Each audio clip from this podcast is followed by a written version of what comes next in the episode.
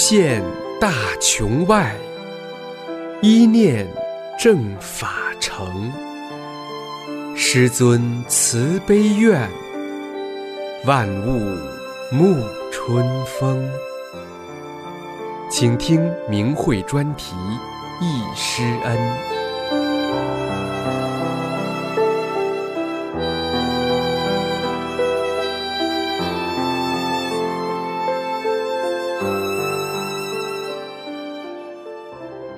请听明慧专题《忆师恩》，万年的期待，师傅东营市传法故事。明慧网二零一四年五月二十一日。千年的等待，万年的期盼。选自《红银三》。一九九四年二月十一日，这个特殊的日子，我们终于盼到师傅来到山东省东营市传功讲法。当时，师傅挤出了过年的时间，为我们油田办了这次法轮大法面授班。一九九四年一月二十八日至二月五日，师傅刚办完法轮功济南市第一期学习班，在济南还没休息，就在一九九四年二月十一日大年初二的下午，与师母师妹来到了山东东营垦利县。当天晚上，师傅就讲了第一堂法。讲法班在黄河大桥南边的垦利县县委招待所礼堂举行，主办单位是山东垦利经济技术开发区管理委员会。当时参加班的学员有四百多人，垦利县县长也悄悄地参加了讲法班。师傅在垦利传功讲法的同时，又安排了在胜利油田讲两次法，黄河南一次，黄河北一次。胜利油田分布在黄河南、黄河北，黄河从东营穿过，这样等于涵盖了整个油田，使整个东营市更多的人得法、受益、得救。一师傅在东营传功的神奇事例。传法班上看到师傅的法身，有一个男学员，三十多岁，他练过几种功法，他一听老师讲法，忽然明白了。我练来练去，练的只是祛病健身的东西，并有许多不良现象，弄不好就毁了，多少人遭殃。多亏老师讲出来了，讲给我们法轮大法，往高层次上带我们，这是师傅的大恩大德，这才是真正的高深大法、高德大法。他很兴奋，听进去了。当老师讲到，可能刚一进家门，你爱人就劈头盖脸给你来一通。你要承受过去了，你今天的功没白练。选自《转法轮》。这时，他失声的喊出来一声“好”，并竖起大拇指，因为他遇到过这种情况。不知为什么，他看到师傅这么熟悉，心里想好像在哪里见过。这么想的时候，老师马上讲到：有的人不止一世结过缘，有的几世在一起过。他深感老师神了，我想什么，老师随即都知道。他看到师傅讲法时，围着师傅有五个人，个个卷着蓝头发，披着黄袈裟，并围着师傅转。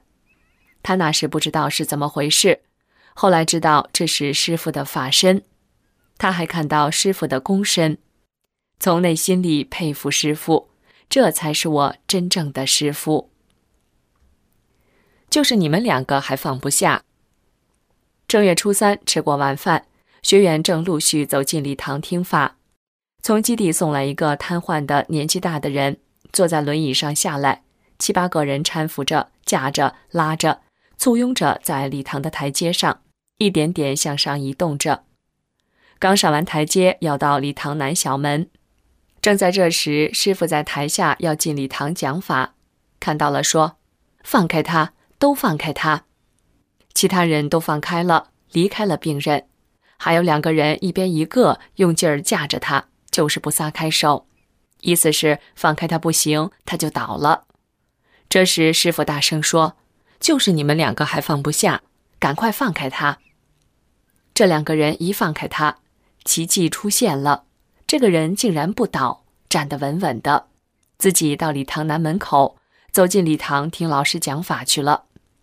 架着扶着他的人惊奇的不得了，兴奋的不得了，感激的热泪盈眶。在礼堂台阶下的学员就给这个学员热烈的鼓掌。老师开始讲法了，这个人自己走上讲台，他在讲台上转了一大圈给大家看。他说：“我瘫痪了，到几个大医院都没治好，打针吃药偏方都不行，老师瞬间给我治好了。我不知怎么感谢李老师才好。”全场报以热烈掌声，都震撼了。现场净化身体。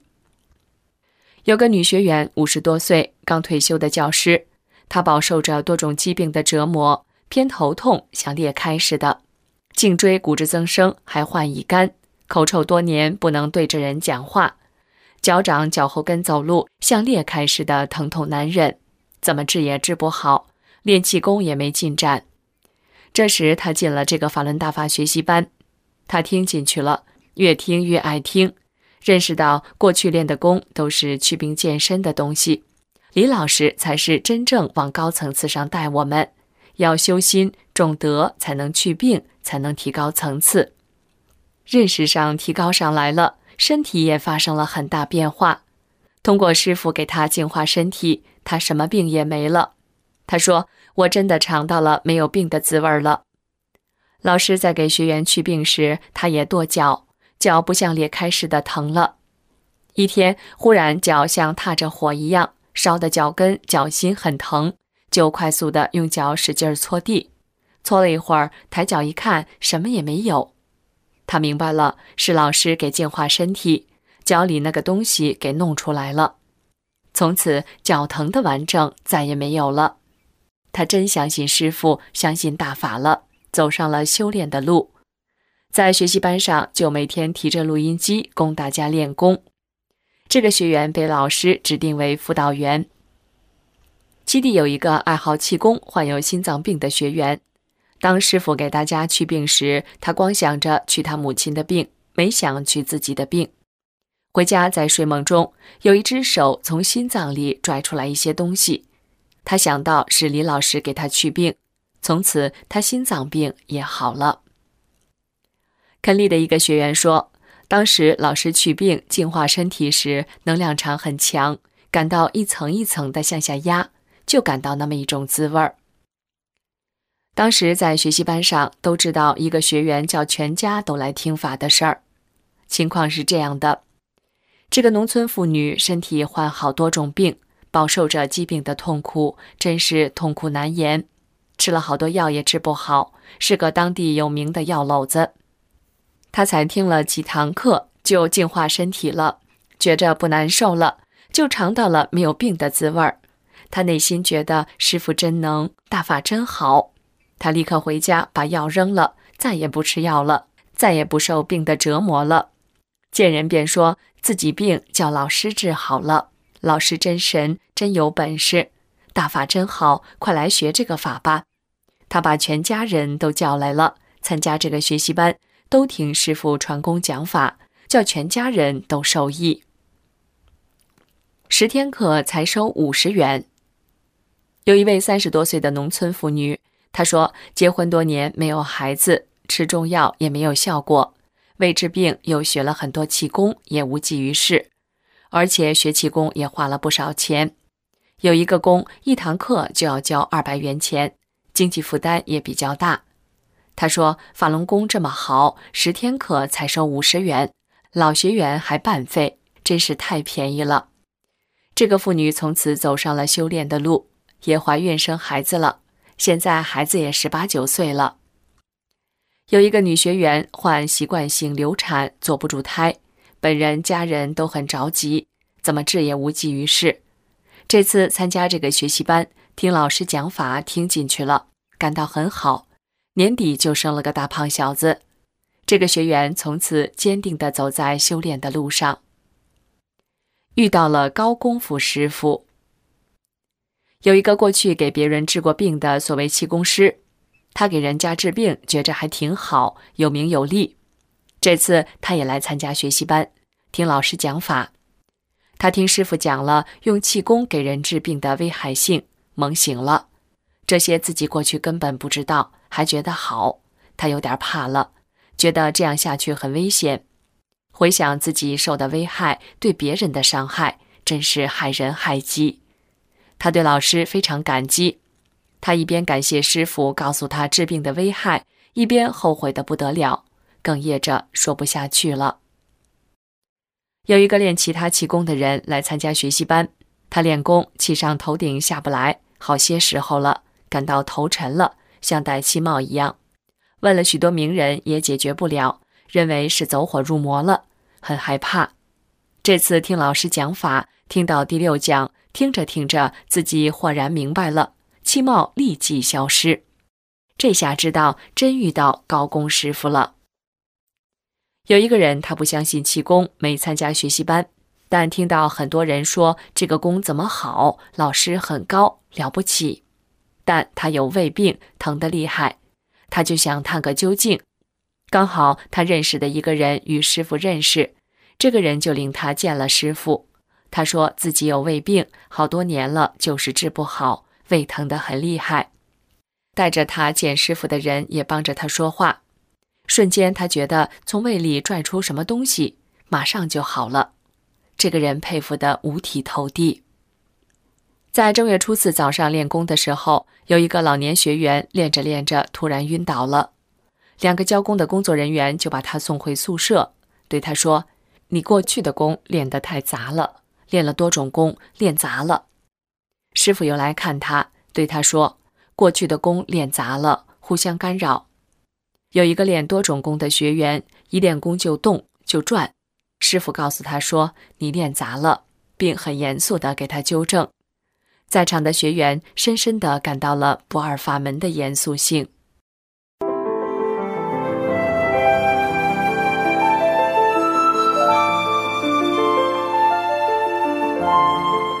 您现在收听的是明慧专题《易师恩》。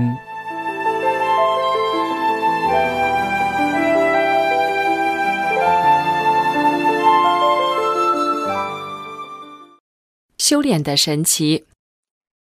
有一个六十岁的气功爱好者，烟瘾很大，参加肯利的学习班，买了一条烟带着，准备在学习班上抽。可是听老师讲法时，根本就想不起来抽烟。他听法听进去了，思想转变得很快，认识到过去练的都是动作，也只能达到祛病健身。李老师是真正往高层次上带人，要把自己当做一个真正的练功人，实修自己那颗心，去掉人的欲望、各种执着心，同化宇宙真善人特性。他很自然地把烟瘾戒掉了。二十年来，他学法修心一直精进不怠，在邪恶迫害下，在反迫害中坚定地走了过来。现在八十岁了，耳不聋，眼不花，面目祥和，走路一身轻。和他一起去参加班的另外一个人，烟瘾也很大。老师讲戒烟的法时，他还抽。戒了烟的这个学员去帮他，这个人就是不听，他就给他把烟打在地上。这个人就从地上捡起来，如饥似渴的抽。后来这个人就离世了。有一个处级领导某某某和师傅认识，师傅讲课休息时他在抽烟，所谓休息一会儿。师傅看见了，很慈祥地说：“从现在开始把烟戒了。”真的，当时就戒掉了。到今天已二十年了，也八十岁了，从来不抽烟。他回想起来，很感激师傅。就在师傅最后一天讲完课打大手印时，许多照相机咔嚓咔嚓照相。师傅当时说：“不要拍照了，照了也白照。”有几个照相的学员拿着照好的胶卷，一同到照相馆去冲洗。洗出来后，惊得目瞪口呆。他们惊奇地发现，大家和师傅的合影都洗出来了，很好。唯有师傅打大手印的照片没有洗出来，黑乎乎的一片。他们深深感到修炼真严肃，真是神奇啊！有几个学员以前信佛，说佛指引他们来参加学习班，说世上有高人在传功讲法，快去学，他们才来学法轮功的。有人天目开了，看到黄河鲤鱼精从河里上来。穿着红裙子，高兴地欢迎庆贺师傅传功讲法。神奇的事儿多着呢。有一个东北的公安局女局长来参加学习班，奇怪地向老师说：“说她怎么打着坐就飘起来了，吓了她一跳。”师傅微笑着说：“都是好事儿。”师傅搭车的故事。某单位有一位科长，参加过几次师傅讲法学习班，受益很大，经常向科里的人说法轮功如何好，很神奇。师傅在肯利讲法已经四五天了，科里的人非得让科长用车拉着他们参加学习班。这位科长拉着他们到肯利见到师傅，说明来意。师傅亲切地说：“来得太晚了，来不及了，达不到参加班的目的。”这位科长买了一本法轮功。师傅亲笔签了名，并鼓励他好好学法实修。他们就要开车走了。这时，师傅对师母说：“咱不是买牙膏、牙刷吗？搭他们的车去吧。”那时肯利商店不多，又是过年，买东西不方便。这样，师傅、师母和师妹一起搭便车到几里路外的商店买东西。买上东西后，科长坚持把师傅送回去。师傅怎么也不让送。师傅说：“你们走吧，因为你们道不远，我们自己回去就行了。”就这样，师傅、师母和师妹步行几里路回到住处。这位科长和车上的人感动得流泪。他们想，作为自己的师傅，怎么也应该送回去。师傅想的，师傅的境界，我们是想象不到的。师傅搭车的故事一直在这里流传着。我们的师傅，师傅吃的住的全和学员一样。当时县招待所吃住条件很一般，都住在县招待所礼堂南边的小楼上。师傅和学员住在一起，学员住在楼的一层，给师傅临时在二层开了个房间。师傅一家三口人住在这里，也非常简单。讲法的礼堂和住的房间都没有暖气，师傅全家和学员一样，都在招待所餐厅里吃，吃招待所食堂做的饭，和学员吃的一样，根本没有因过年生活改善一点儿，和平常一样。负责接待师傅的一个学员回忆说：“我们没有专门给师傅做饭，和学员一样，做什么吃什么，有时因为事多忙碌。”耽误了吃饭时间，也不叫食堂做点饭，自己就吃点方便面。一次，油田某单位的领导碰到了，要安排食堂给做点饭，这么累吃方便面可不行。师傅不同意，马上就要讲课了，节省时间，随便吃点就行。他还回忆说，师傅真是一点架子也没有，非常平易近人，叫人真是感到亲切可敬。他还说。师傅晚上讲法，早上起来辅导学员练功，白天处理很多事情，还挤时间做代工报告，真是太忙了。还抽时间到学员住的房间看望学员，和学员亲切和蔼的交谈。这就是我们的师傅。这个学员一直在想，师傅怎么这么可亲可敬，一点架子也没有，非常随和，一见了就感觉亲切。负责接待的这个学员说：“有一件事儿我是终生难忘的，也根本不可能忘。从我的生命本源一直到表面身体都记住了，根本不可能忘。事情是这样的，师傅在这里传功讲法，正是过年的大节日，家家团圆吃团圆饭。可师傅和师母师妹却远离东北老家，来到垦利这里，吃的住的用的都和平常一般。”根本没有过年的样子，我们服务的几个人心里真不是滋味儿，就叫食堂多炒了几个菜，在食堂里摆了一张桌子，和师傅一家坐在一起吃顿饭，也算是过年的饭。师傅、师母、师妹加上我们共十人，非常祥和，非常温暖，幸福无边。我们拿饮料敬师傅、师母，衷心的祝福师傅全家。这时，我们的师傅站起来，杯子里倒上饮料，和我们每个人碰杯。我们也不知怎么好，光知师傅真好，真可亲。就这样，师傅围着桌子让了一圈儿。每每想起这件事，感到无比的幸运、亲切、温暖，也很自责，觉得那时不懂事，不知天有多高，地有多厚。往下还有，师傅在我们不知道的情况下，把我们吃的这顿会餐饭费、讲法时吃饭的钱和住宿费全部结算了，共八百元。那个时候，八百元作为个人来讲可不是小数。二，师傅的辛苦。正月初九这天下午，师傅讲了一堂课，晚上又讲了最后一堂课。讲完最后一堂课，给学员颁发了法轮大法结业证书。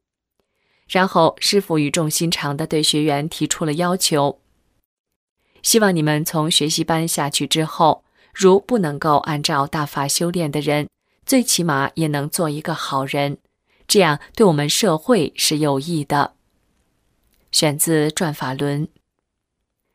希望大家在今后的修炼当中，把自己当成一个练功人，真正修炼下去。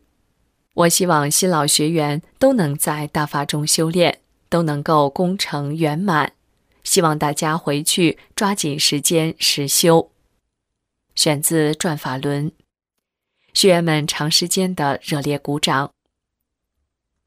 就在师傅讲这些的时候，下一个主办单位辽宁的车正在外面等着师傅上车离开。就在正月初九晚上十时，师傅不顾全天讲课的劳累，连休息一下也没有，就和师母师妹简单收拾了一下东西，上了下一个主办单位的面包车。听法的全部弟子下来送师傅，师傅挥手告别。就这样，车缓缓离开垦利，学员恋恋不舍，依依不舍，嘴里喊着“师傅再见”，眼眶湿润着，目送着师傅。一九九四年二月十一日，刚离开东营两天，师傅又在辽宁省凌源钢铁公司总工会礼堂讲法了。三。师傅的到来给这一方带来了鸿福。师尊除传功讲法外，还要处理解决很多事情，平衡很多关系。表面上看不出来，我们是不知道的。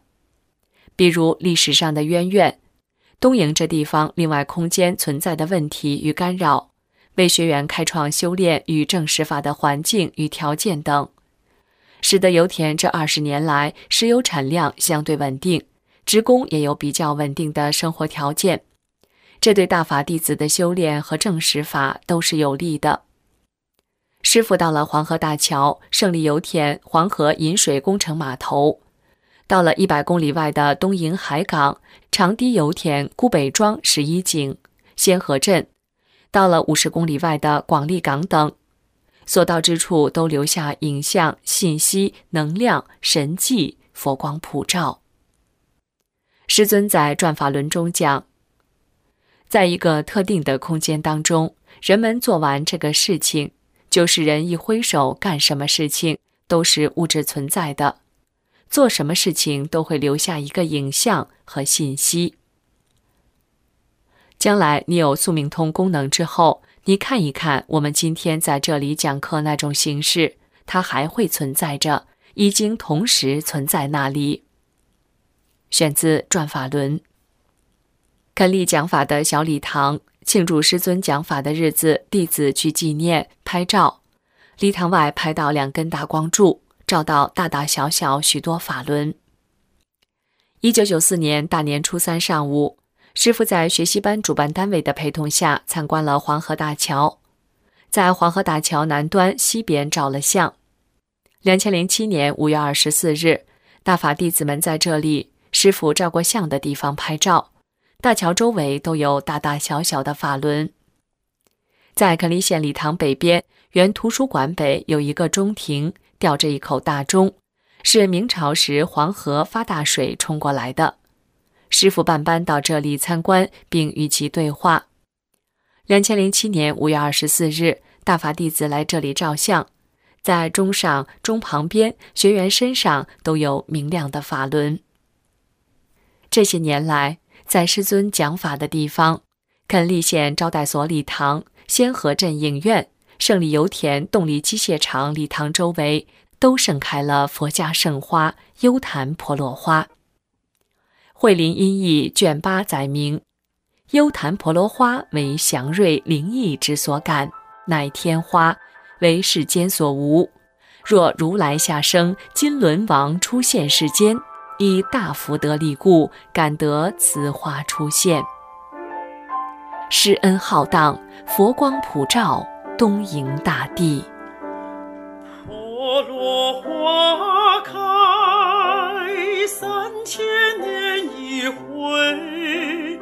婆罗花开，笑迎天门开，生者归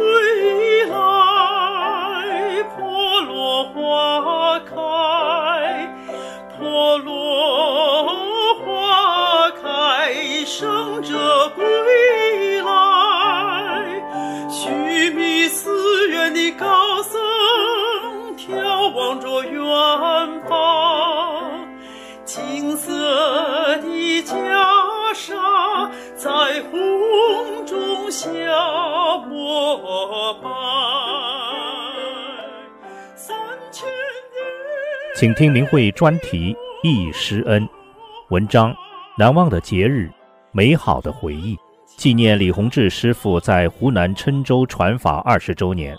发表日期：二零一四年七月十五日。作者：郴州市大法弟子。一九九四年七月十五日，是我们郴州大法弟子永远难忘的节日。伟大的师傅亲临郴州传法。历史在古老秀美的郴州城谱写了一部宏伟壮丽的新篇章，郴州从此有幸踏上了新纪元的光辉起点。这一天，师傅从北京乘飞机赶往长沙，郴州的两位学员在长沙恭候迎接师傅。途经衡山，师傅还上南岳大庙看了看。大约上午十一点，师傅风尘仆仆到达郴州。当时室内挂着横幅，热烈欢迎李洪志大师来郴州传功讲法。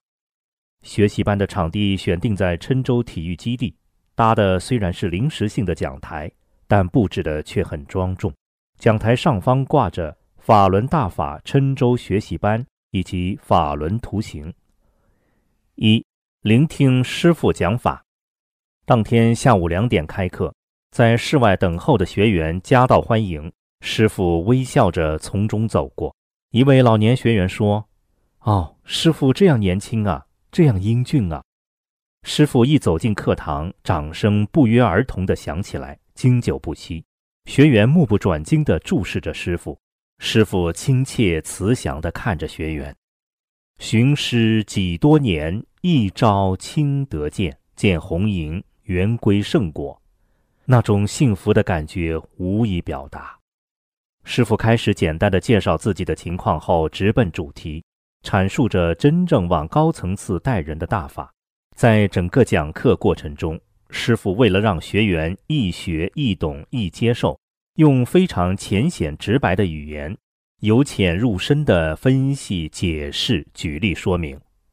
当师傅说道：“我已经把能真修大法人的身体所带的附体，不管是什么东西。”身体上从里到外带的所有不好的这种东西，全部都拿下来了。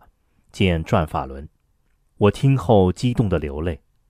我练了许多气功，这个功那个功，越练脸越黑，嘴唇都发乌。到公园里去练功，别人都不愿意和我在一起，有的还背后议论：看他脸上一层斑那么厚，那是肝脏病，不要接触。那时我走投无路，天天不是去找人算八字，就是找巫婆驱邪。有一天，老乡说：“我又看你在那算命，你又听到什么了？”他自己都是盲人，可笑的我与巫婆打交道，在麻木中过日子，也不知道惹来多少邪灵附体。我幻想着在世上能找到会说话的神仙，给我说点我不知道的东西，给我指点迷津。听人说，出城十几里外，翻过一座高山，山那边村子里有一个巫婆，看病很灵验。我拖着病体翻山越岭去了两次，巫婆边唱边喝酒，神神叨叨的。我觉得没有我想听的，后来就没去了。我又听说城东的河那边高山顶上有个神仙，我又冒冒失失的去求，没有一点作用。我晚上做梦都在荒无人烟的旷野艰难地走啊走啊，可是无论怎样，哪里都找不到我的家，哪里都看不到希望。这次师傅把宇宙真善人高德大法送到家门口来了，解开了我的种种迷惑，把我多年的心结和苦恼一个个化解了，给我指出了一条光明大道。在几天的听课当中，我越听越精神，越听心中越明亮，巴不得把师傅讲的每一个字都刻进心里去，落下一句都是重大的损失。师傅讲。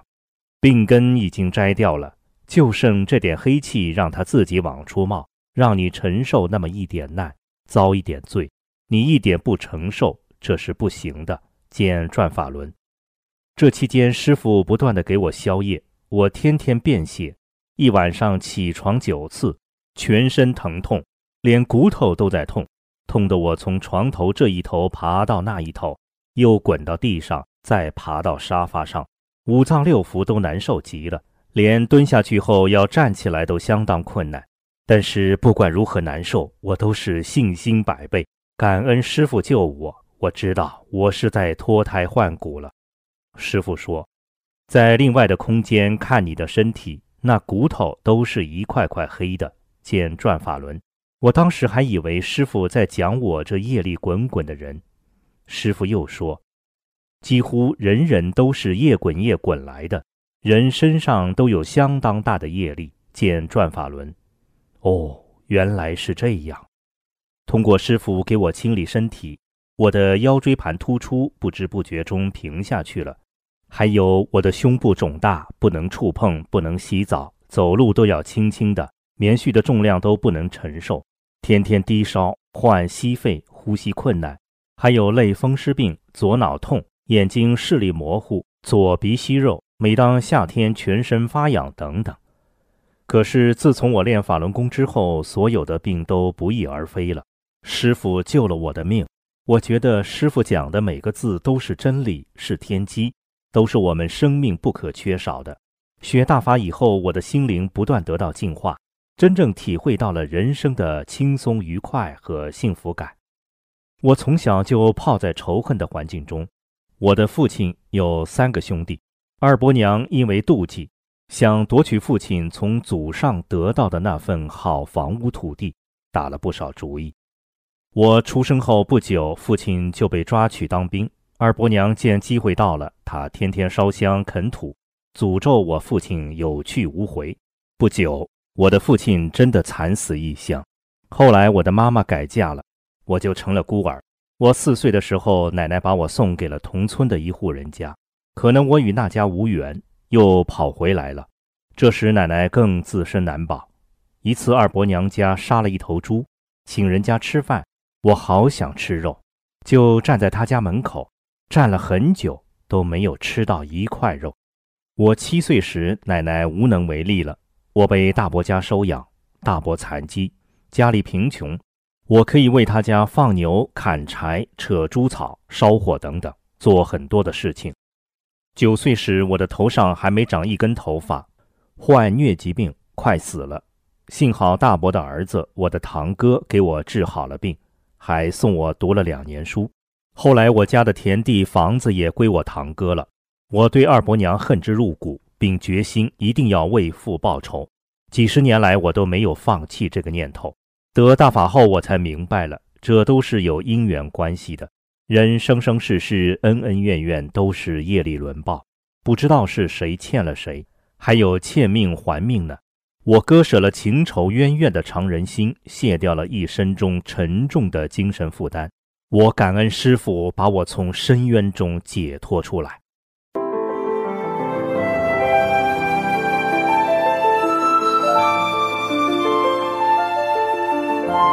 您现在收听的是明慧专题，一、师恩。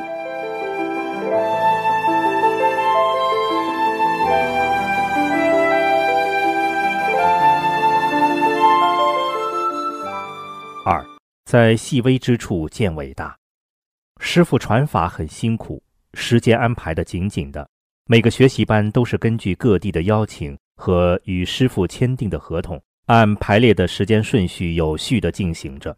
所以，师傅往往是在这一个学习班结束，就立刻乘火车或飞机赶往下一个城市。很多时候都是在晚上赶路。师傅在全国各地传法的那些个日日夜夜，几乎不是在课堂上，就是在路途上。师傅时时处处本着对学员负责、对社会负责，连每一个细节都考虑得十分周到。针对郴州的实际情况。来郴州前，在郑州学习班时，师尊就让身边的工作人员传出消息：郴州交通不方便，没有始发车，外地学员去多了，不但不能及时回家，还会给当地造成麻烦。所以，很多想来郴州的学员后来都没有来。即使这样提前打招呼，郴州学习班还是三三两两的来了九个省的学员，共有九百四十二名。而郴州本地的学员只有三百多人，但却恰到好处，其实是师傅早有安排。郴州学习班上，师傅在四天之内把要给学员讲的全部课程都有序的讲给学员了。师傅加班加点非常辛苦。十七号是星期天，师傅除了上午讲课、下午讲课，晚上还帮学员调进攻动作，全然顾不上休息。这期间，学员要求和师傅会餐、座谈、合影留念，师傅都一一答应。合影时，有的学员想站在师傅身边，挤来挤去，师傅都用非常祥和的心态来对待。师傅的言传身教，深深地影响着身边的每一个人。说到会餐，就是些家常菜，不是要吃一顿好吃的，就是学员想和师傅多待一会儿。最后，食堂的人怕不够吃，又端来一盘面条。师傅连说谢谢，还说太麻烦你们了。师傅每天都把自己住的房间整理得干干净净、整整齐齐，就连半包茶叶都包起来，好好的放在桌子的一边。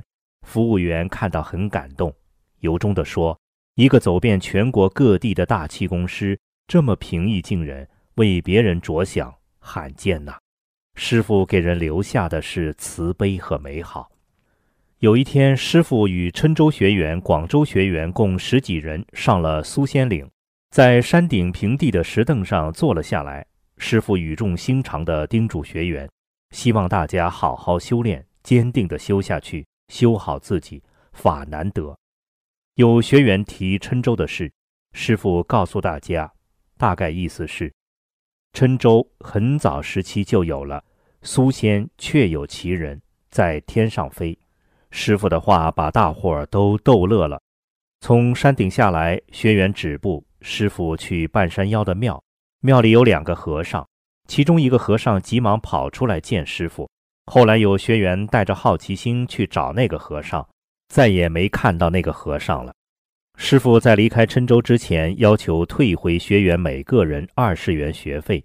工作人员开始不理解。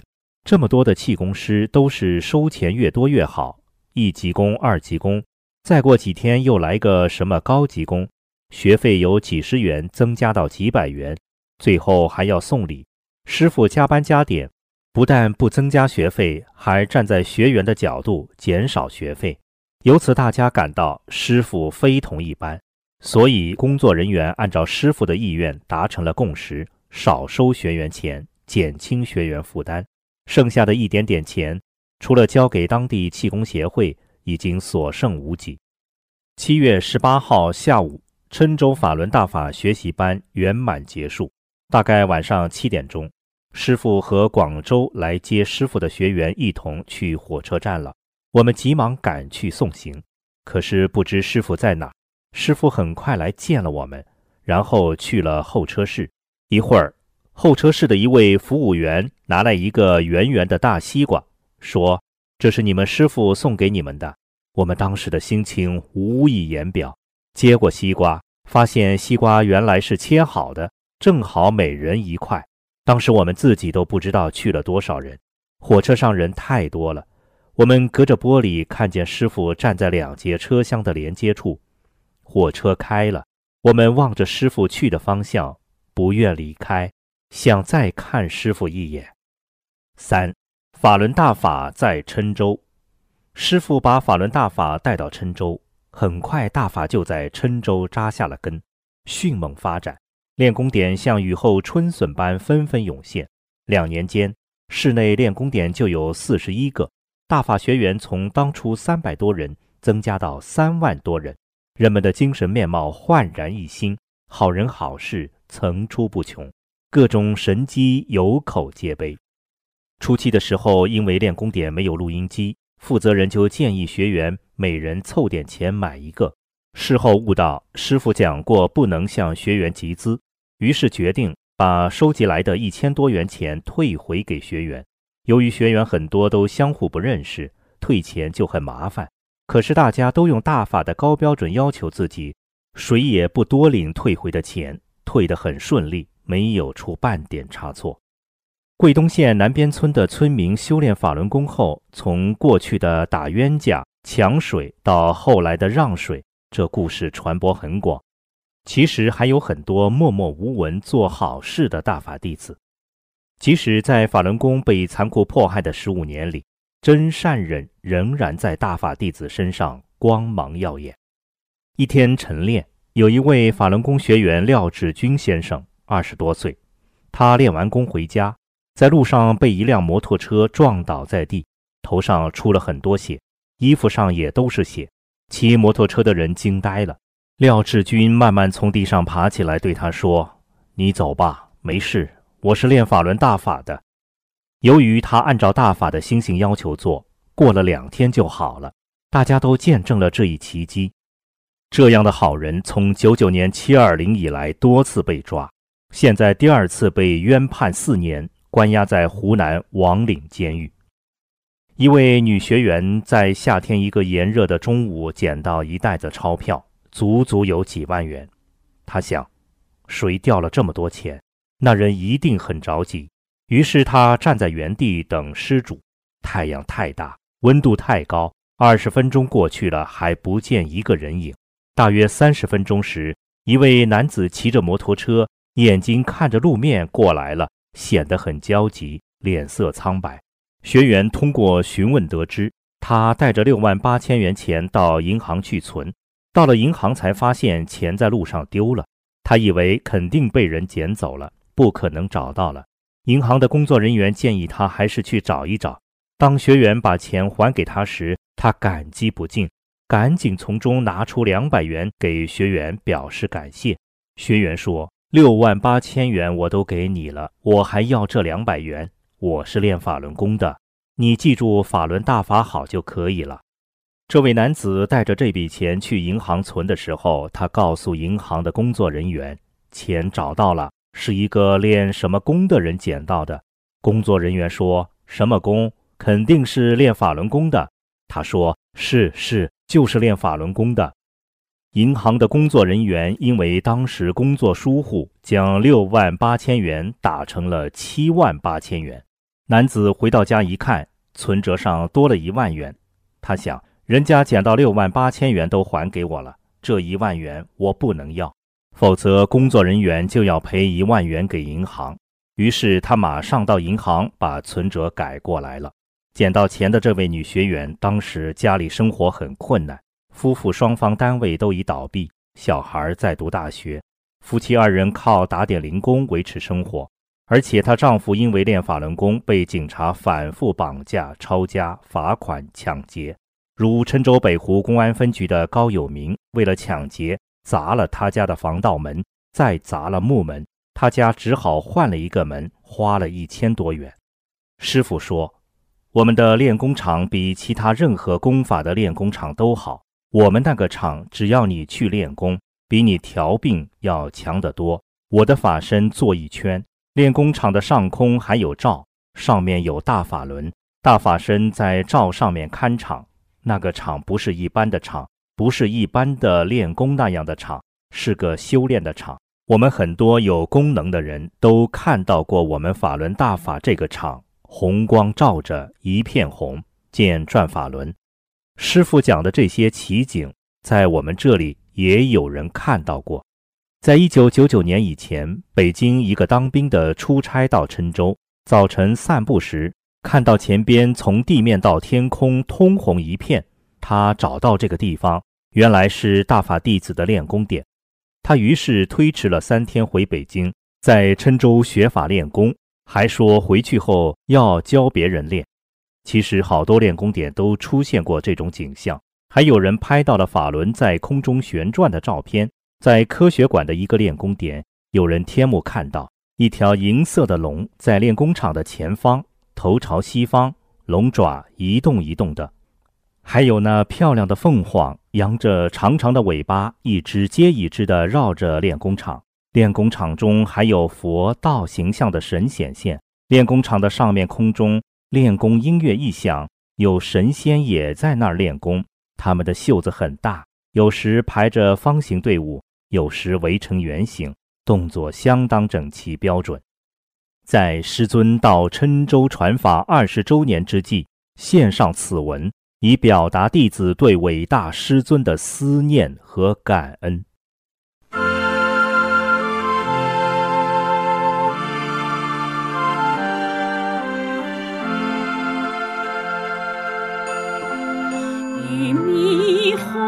臣不知晓是此天机方悟道，真觉坚清密中心，诸事正法在今朝，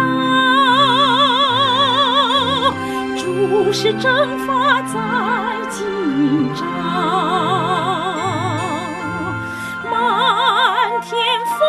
双击，浩瀚苍穹发光照，春来到。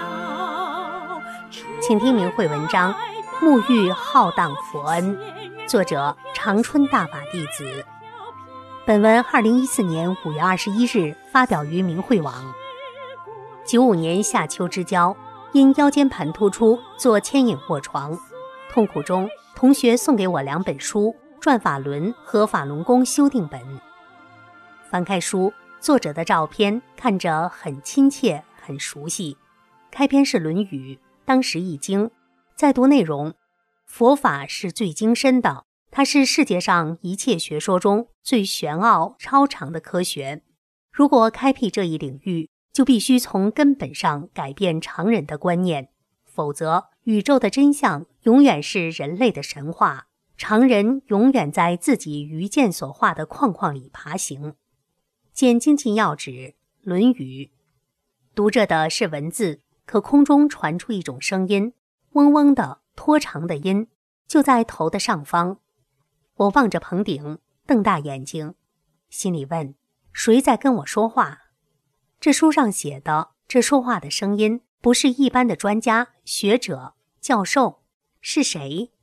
就这样，带着疑惑、好奇，我挑着看，跳着看，两本书都没读完整，只感到这书中的话说的真好。病休时，我采用了很多方法治疗，都不见效果，而且还添病，怀疑直肠癌。这时，又有人介绍我练法轮功。我没抱任何希望，碍于情面，栽栽歪歪的去听课。电视录像中，我又看到了师傅。我闭着眼睛，迷迷糊糊的听，可身体却出现了强烈的反应。腰突四五节的地方像开了杯子那么大的口，呼呼的往外冒凉气；被压迫神经的左腿也呼呼的冒凉气。我这儿噎噎，那儿盖盖，不断的动，引得在场的老学员都凑过来。听我一说，感觉都兴奋了。哎呀，你的缘分太大了！刚进来，师傅就给你调整身体。我诧异，问师傅在哪儿呢？在电视里讲课啊。在电视里怎么叫调整身体？大家唏嘘着。哎呀，你现在还不懂，坚持来，一定坚持来听课。这不是一两句能说清的，坚持来，慢慢就明白了。他们的兴奋让我很吃惊。但九天课下来，直肠疼痛、便血、变脓、变肉的病状没了，肿胀的左腿消肿了，腰的疼痛减轻了。因为师傅能让我好病，于是我又去了另一个大的礼堂，去见录像里的师傅。又是九天下来，常年气虚、手脚冰凉的毛病也好了。从那时起，我开始练功了。练功只两个多月，陈科老病一扫而光了。没病的那个滋味太好了，身体好了，但对修炼是怎么回事，还是一头雾水。那些天也不知怎么了，总跑商店买回来一件衣服不称心，再买一件又放那儿了。走路观察别人的服饰，闭上眼睛打坐就设计服装款式，管不住自己的思想，弄得我很苦恼。一天中午打坐，刚闭上眼睛，就见一个人走到我跟前，放下一个大包裹。说：“这是你的，收着吧。”我抬头一看，哇，是师傅！师傅笑着看着我，点点头，示意我收下这个包裹，转身走了。包裹是淡紫色的包裹皮，绸缎一类的丝织品。我打开系的扣，摊开一看，软软的、滑滑的、光亮亮的，粉色、淡黄、浅紫。啊，衣服太美了！我一下子全明白了，我还在人间这儿执着着衣着打扮干什么？这都是土做的、泥捏的、粪汤里泡的。师傅在领着我们一步步回天啊！那一瞬间，人这儿美的概念一下都没了，对什么是真正的美有了新的理解，也对修炼有了新的认识。我没参加过师傅亲授讲法班，想见师傅的心很切。一次偶然的机会，在学员家遇见了师傅。师傅正在给大家讲法，我坐在师傅的斜前方，只一米远，眼盯盯地看着师傅。啊，我可见到师傅了！我终于见到师傅了！我真的见到师傅了！这不是做梦，是真的。我还在兴奋的心潮翻腾着，师傅忽然停下来，看着我笑了。别想别的，好好听师傅讲法。呀，我想什么，师傅知道啊！我马上收回心，静静的听师傅讲。我问师傅：“我没参加过班，修炼还来得及吗？”师傅笑着用目光指了指一位老学员，说：“他这个年纪都没说来不及，你这么年轻，有什么来不及的呢？”之后，师傅脸色沉下来，看着我，叹了口气说：“生命啊，都不知道自己是从哪里来的。”我不明白具体的意思是什么，只感觉师傅说出的话很遥远，很遥远。师傅嘱咐着：“好好学法，一定要多学法，学好法呀，把法学透。”我们送师傅到门口，师傅下楼梯时还转身说：“多学法，好好学法。”再一次见到师傅是一九九八年七月二十六日，在香格里拉。师傅给长春辅导员讲法。当师傅走进会场时，掌声像潮水一样，一浪高过一浪。大法弟子们对师傅的思念，对师尊的感恩，见到师傅的欣喜与荣幸，再次听到师傅讲法的期盼，一切的一切都汇聚在潮水般的掌声中。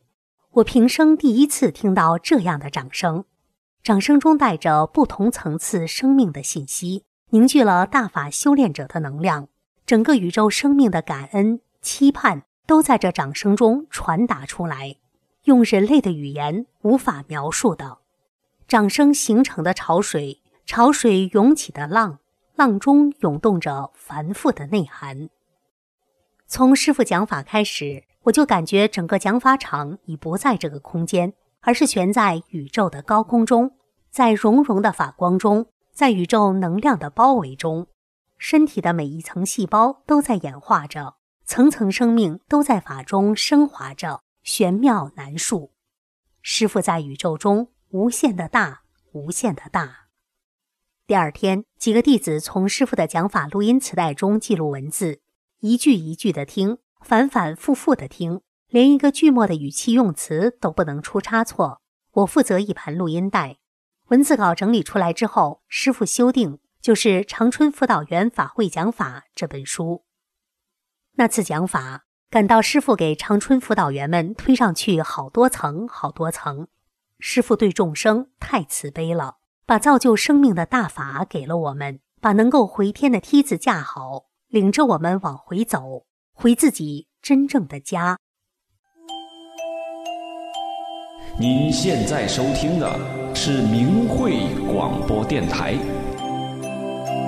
您现在收听的是明慧广播电台。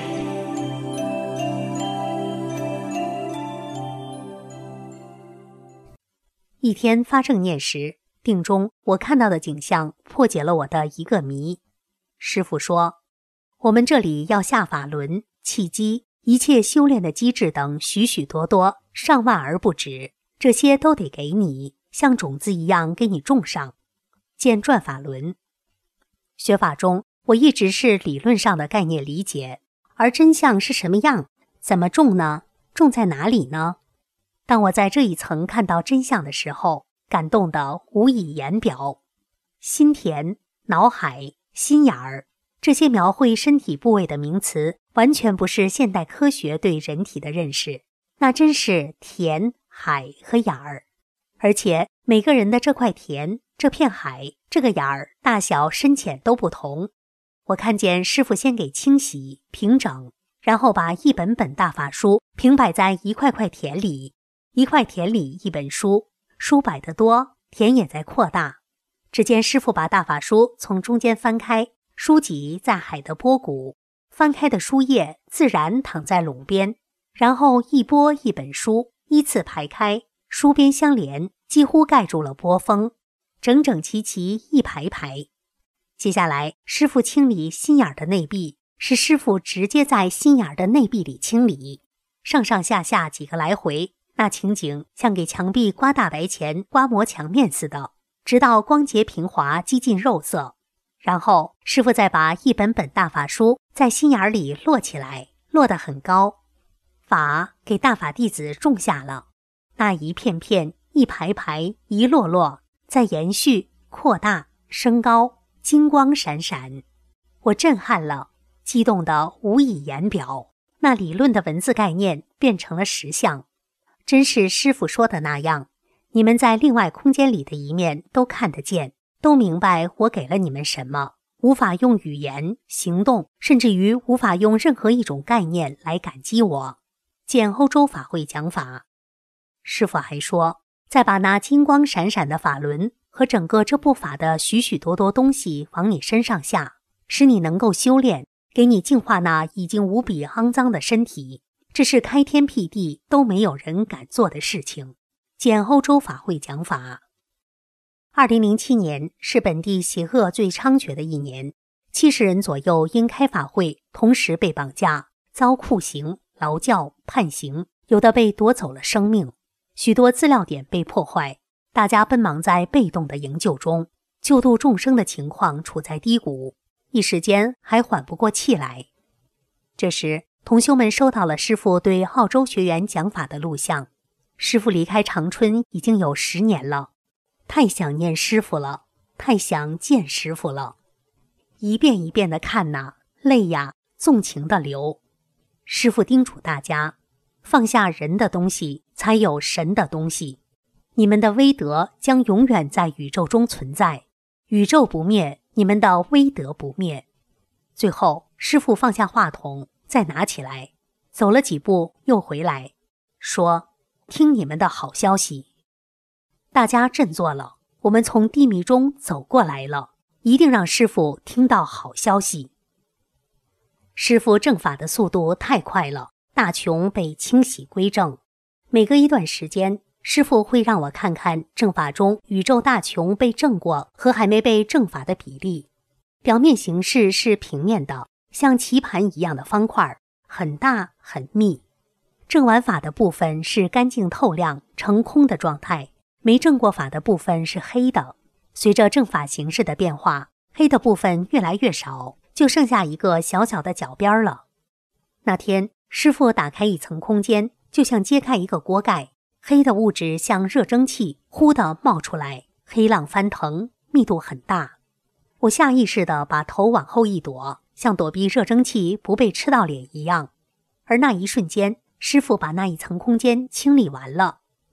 早晨练功前，被梦惊醒。梦中我看到师傅仿佛切开空间的一块，师傅的弓白亮亮的，还透着金光，又厚又密又大，真是红贯满天宇的气势，迅猛地推过来。所有的生命那种震撼，瞪着眼睛，张着嘴，呆了一样。功到近前时，能得救的生命无条件同化；那些将被清理淘汰的生命，心甘情愿、服服帖帖的认可被淘汰。他们心服口服的认可自己应该被淘汰。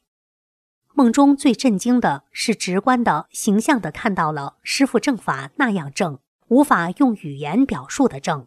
正的所有的生命在正法的标准面前五体投地。醒来后，我还在为大法的正而震撼。师傅的讲法连串的打进来，旧势力的一切生命对我佩服的是五体投地的。见二零零三年元宵节讲法，我要怎么处理都是正的，被处理的都是错的。见二零零三年元宵节讲法，法正乾坤正。见精进要旨，法正，我看到了大法的正，那是我们要达到的标准。大法弟子在世间注师正法，怎样做到心正、言正、行为正，完全的同化真善忍，才会使众生看到大法弟子就看到了大法，认同大法和大法弟子，能令所有的生命真正服气，从而使众生真正得救。盼师傅啊，也盼过年，过年能见到师傅啊。记得迫害前大年三十儿听完新年的钟声，打出租车就往家跑啊。大年初一的早晨，守夜的灯还没有熄，我们一定要站到练功点上。最寒冷的雪地上空，悠扬的练功音乐响起来，那是新一年的真正开始。这些年，大年三十儿提前吃完年夜饺子，赶快回家。看新唐人播放的全球华人新年晚会，看神韵成为新的习俗、新的文化了。看神韵重现五千年文化，敬神重道。看神韵开启了封尘的记忆，找回自己真正的家。看神韵听到创世主急切的呼唤，在神指引的道上兑现久远的誓约。看神韵就看到了师傅。在宇宙大穹的中心，慈悲的召唤所有的生命，同化真善人，走向未来。宏大的天幕上映出了金光闪闪的大字：“佛法红传，天门大开，开创未来。”所有能走过来的生命尽融于法光，感谢伟大的创世主，沐浴在浩荡佛恩中。天幕上。我又看见了师傅在接引新宇宙的王主，师傅慈悲的笑着。恭祝法轮大法红传二十二周年，共庆第十五届世界法轮大法日，叩拜师尊生日快乐。